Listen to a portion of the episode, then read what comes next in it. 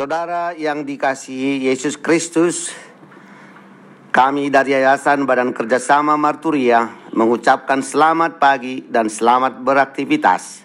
Kita akan mendengar lagu pujian dari buku Ende.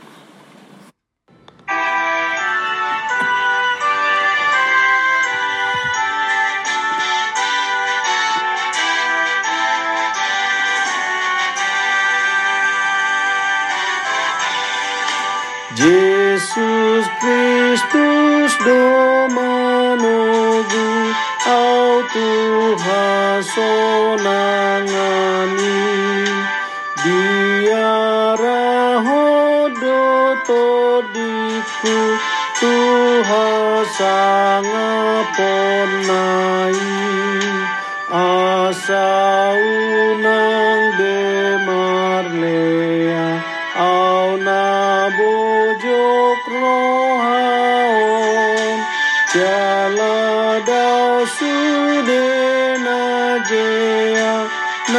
nama ngagorohakon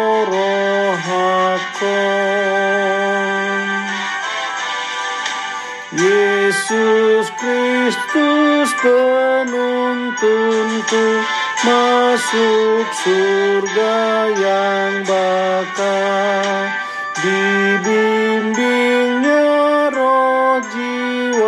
jiwaku memasuki rumahnya jangan lagi ku terhina yang gelisah dan sesat dan jiwaku pun selamat dari musuh yang jahat.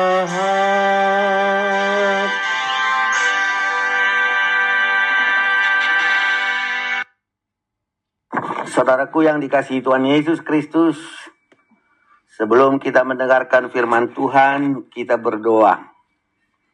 Mari kita berdoa. Allah Bapa di sorga yang kami sembah, yang kami puja, yang kami muliakan, kami bersyukur atas kasih setiamu yang menyertai memelihara kami.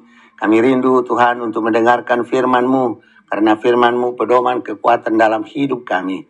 Berfirmanlah Engkau Bapa kami siap mendengar dalam nama Yesus Kristus. Kami berdoa dan bersyukur. Amin.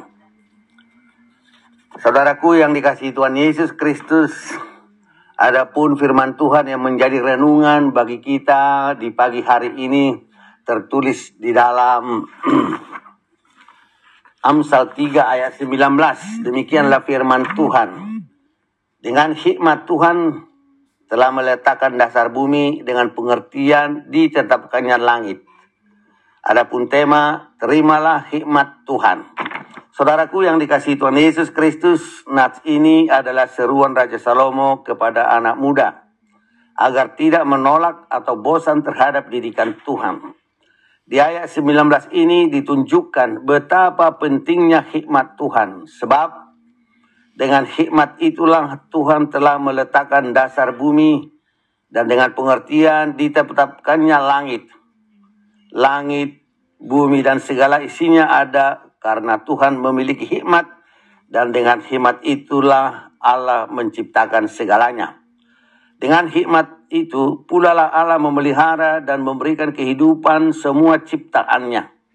Injil Yohanes memperbaharui dan memperluas nasihat Salomo ini. Di Yohanes 1 ayat 1 ayat 14 dikatakan bahwa firman itu yaitu logos atau hikmat Allah telah ada sejak dari mulanya dan dengan firman itulah Allah menjadikan segala sesuatu.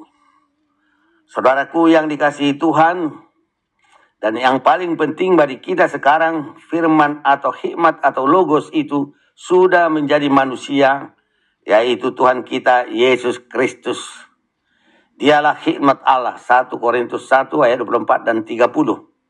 Karena itulah pengarangnya sangat berkuasa dan dikagumi pendengar karena penuh dengan hikmat.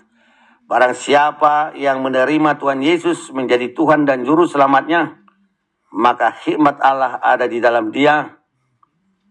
Lihatlah para rasul, dari segi pendidikan mereka biasa-biasa saja. Tetapi hikmat dari Tuhan Yesus mereka mampu mengubahkan dunia melalui pemberitaan Injil. Saudaraku, karena itulah seruan Salomo di buku Amsal ini patut kita terima dan lakukan, terutama bagi anak-anak muda, yaitu agar kita mau menerima hikmat dari Tuhan. Bila kita menerima hikmat Allah yang telah hadir di dalam Tuhan Yesus, maka kita diberkati dengan pemahaman dan pengertian yang baik tentang segala hal. Tahu membedakan yang baik dari yang jahat, yang benar dan yang salah. Terutama tahu jalan keselamatan menuju hidup kekal di dalam Tuhan Yesus. Itulah kita bisa memperoleh hanya bila kita rajin bergaul dengan Tuhan melalui Alkitab dan doa-doa pribadi kita. Marilah kita tekun berdoa, mohon hikmat Tuhan dan penyertaannya. Amin. Mari kita berdoa. Ya Tuhan, mampukanlah kami mau menerima hikmat-Mu yang telah hadir dalam Tuhan Yesus dan tidak menolak didikan dan ajaran dari Tuhan. Amin.